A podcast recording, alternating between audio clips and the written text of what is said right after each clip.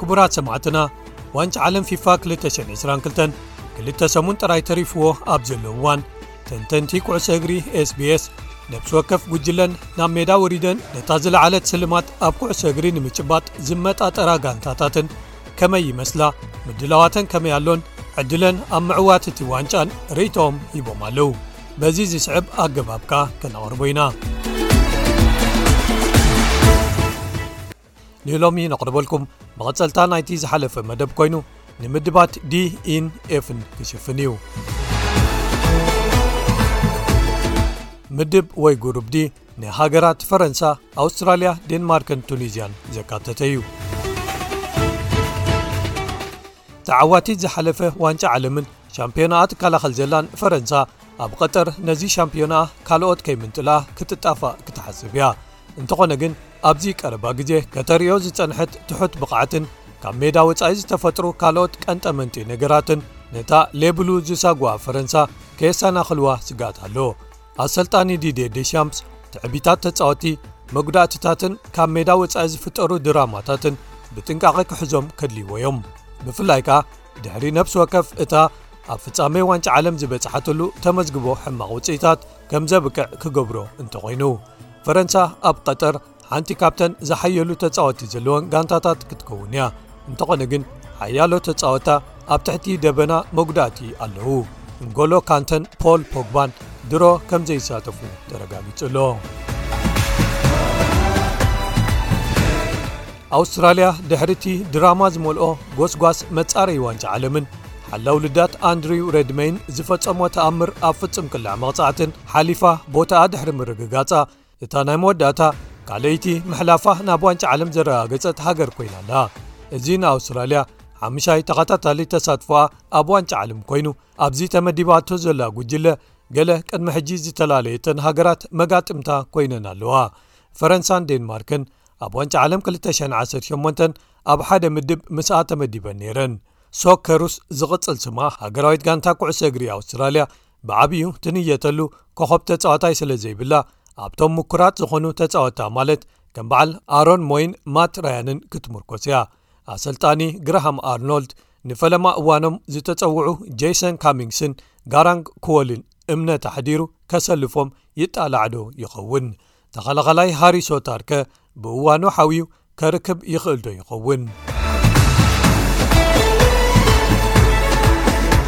ዴንማርክ እቲ ስምዒት ዝዓብልሎ ክሳብ ግጥም ፍጻመ ዩሮ 220 ዝበጽሕሉ ጉዕዞ ኣብዚ እውን ክደግምዎ ክደል እዮም እቲ ካብ ኣፈፈት ሞት ዝወፀ ሕጂ ግን ብቑዕን ብዅሉ ዘድምዕ ዘሎን ክርስትያን ኤሪክሰን ክሕግዞምዶ ይኸውን? እዚ ኣከፋፋሊ ጋንታ ማንቸስተር ዩናይትድ ኣብ ግዜ ግጥማት ዩሮስ መጥቃዕቲ ልቢ ኣጋጢምዎ ብተኣምር ድሕሪ ምሕዋዩ ጽቡቕ ብቕዓት ኣርእዩ'ሎ። ሕጂ እውን ደጊሙ ዕድላት ሽቶታት ዝፈጥር ዓይኒ ጋንታ ክኸውን እዩ። ክልተ ኣብዚ ቀረባ ግዜ ዘመዝገቡዎም ዓወታት ኣብ ልዕሊ ፈረንሳ ንደንማርካውያን ኣብ ቐጠር ክሳብ ዳሕረዎት ዙርያታት ክበጽዑ ከም ዝኽእሉ ርእሰ ተኣማንነት ክህቦም እዩ ቱኒዝያ ንኻልኣይ ተኸታታሊ ግዜኦም እዮም ናብ ዋንጫ ዓለም ተመሊሶም ዘለዉ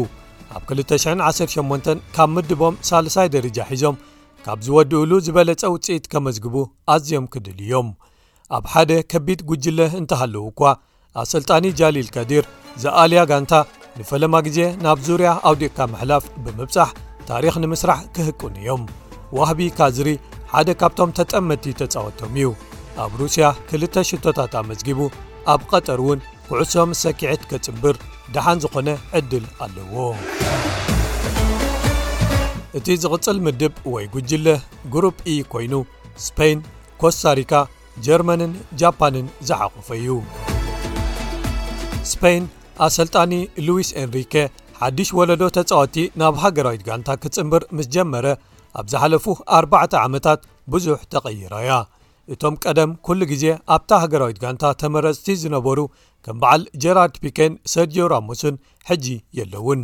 ኣብ ክንድኦም መንእሰያት ከዋኽብቲ ከም በዓል ፔድሪ ዓይኒ ናይታ ጋንታ ኮይኖም ኣለዉ ኤንሪኬ ብተወሳኺ ኣንጻርቶም ዝገጥምዎም ጋንታታት ዝምችእ ኣሰላልፋ ንምትግባር ንገለ ተጻዋቲ ኣትሪፉ ከም ዝቕይር ኣብ ዝተፈላለየ እዋን ኣመስኪሩ እዩ ብዙሓት ኣማራጺታት ዘለዋ ጋንታኻ ክመርጽ እዩ እቲ ዝዓበየ ሕቶ ንስፐይን እቶም ሽቶታት ካበይ ክምዝገቡ ወይ ክመፁ እዮም ዝብል እዩ ኣልቫሮ ሞራታ ዳርጋ ብዝለዓለ መጠን ቀዳማይ ተስላፊ ኣትከዓይ ኤንሪኬ ክኸውን እዩ እንተኾነ ግን ንሱ ገለ ድኽመታት እውን ኣለዉዎ። ኣንሱ ፋቲን ፌራን ቶረስን ኣብ ቀዳማይ ተሳትፎኦም ኣብ ዋንጫ ዓለም ነቲ ጾር ኣብ ምስካም ክሕግዝዎ ከድልዮም እዩ። ኮስታሪካ ኣብ ግጥም ኢንተር ኮንቲነንታል ኣውዲቕካ ምሕላፍ ንኒው ዚላንድ ድሕሪ ምስዓሮም እዮም ኣብ ዋንጫ ዓለም ቀጠር ቦታኦም ዘረጋገጹ ናይ መወዳእታ ሃገር ኮይኖም እዚ ንሎስቲኮስ ተባሂሎም ዝጽውዑ ጋንታ ኮስታሪካ ሓሙሻይ ተሳትፎኦም ኣብ ዋንጫ ዓለም ክኸውን እዩ ኣብ ዋንጫ ዓለም ዝፍለጡሉ ስልቲ ምክልኻል ደጊሞም ክጥቀምሉ ክፍትኑ እዮም እቲ ሕቶ ዘሎ ግን ኣንጻርቶም ከዋኽብቲ ዝዓብለልዎም ተጻባእቶም ኣብ ምድብ ኢ ዘለዉ ክዳረጉ ይኽእሉ ድዮም ዝብል እዩ ሓላው ልዳት ኪሎር ናቫስ መራሒኦምን ዝለዓለ ተፈላጥነት ዘለዎን ተጻዋታዮም ስለ ዝኾነ ኣብ ዝባኑ ብዙሕ ሸኸም ክጸውር እዩ። ጀርመን ሓምሻይ ጽዋዕ ዋንጫ ዓለም ክዕወቱ ኣብ ዘማዕድውሉ እዋን ዝኸፍአ ውጽኢታት ዘመዝገብሉ ተኸታታሊ ግጥማት ከብቅዕን ናብ ናይ ቀደም ብቕዓቶም ክምለሱን ክድል እዮም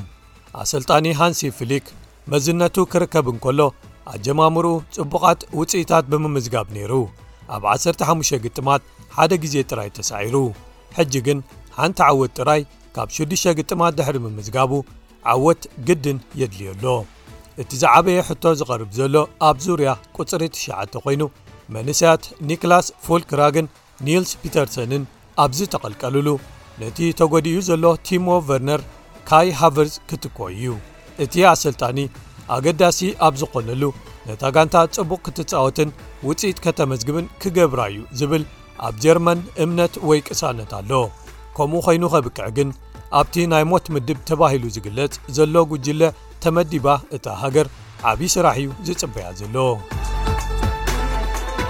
ጃፓን ኣብ ዋንጫ ዓለም 218 ዘርኣይዎ ብቕዓት ዝያዳ ከመሓይሹ ክድል እዮም ርብዒ ፍጻመ እቲ ክበጽሕዎ ዝህቅኑ ዒላማ ክኸውን እዩ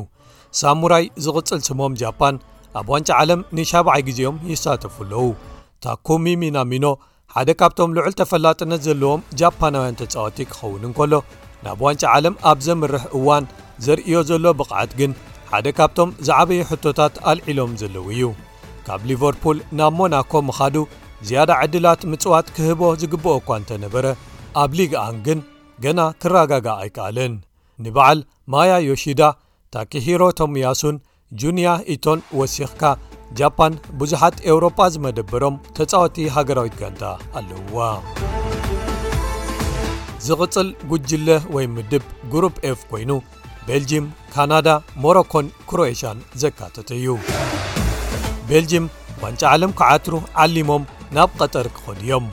ሓንቲ ካብቶም ክዕወቱ ተባሂሎም ዝግመቱ ጋንታታት ክኾኑ ኣለዎም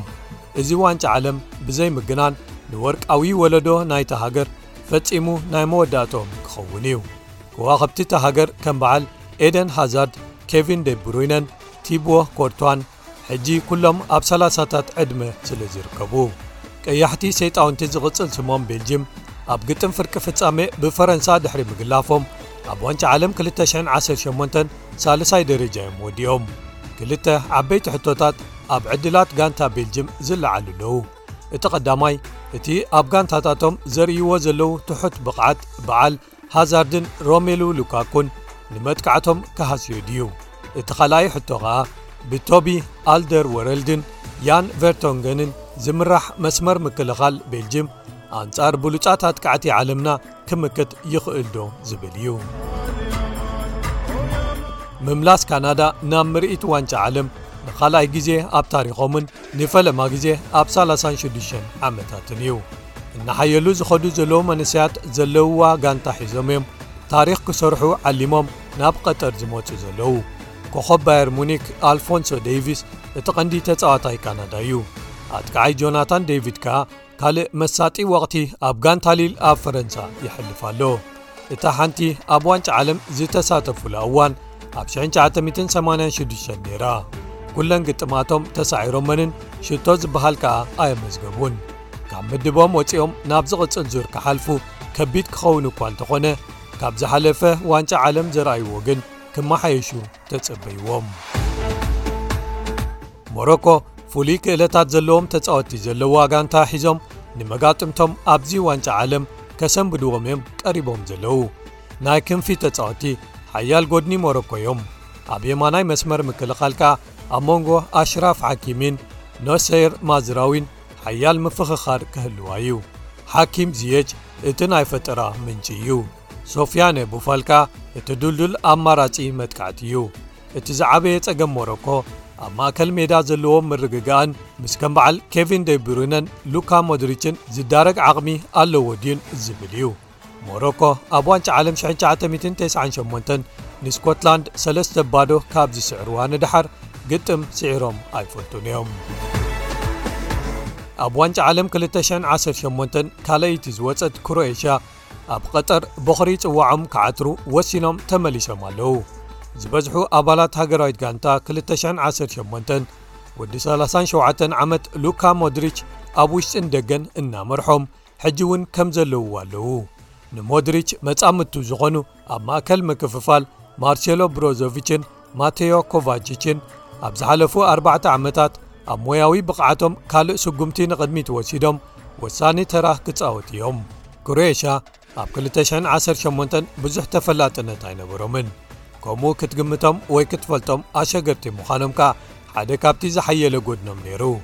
ኣርባዕተ ዓመት ድሕሪኡ ግን እቲ ሃንደበትነት ጥፍኢ እዩ ኣሰልጣኒ ዝላትኮዳሊች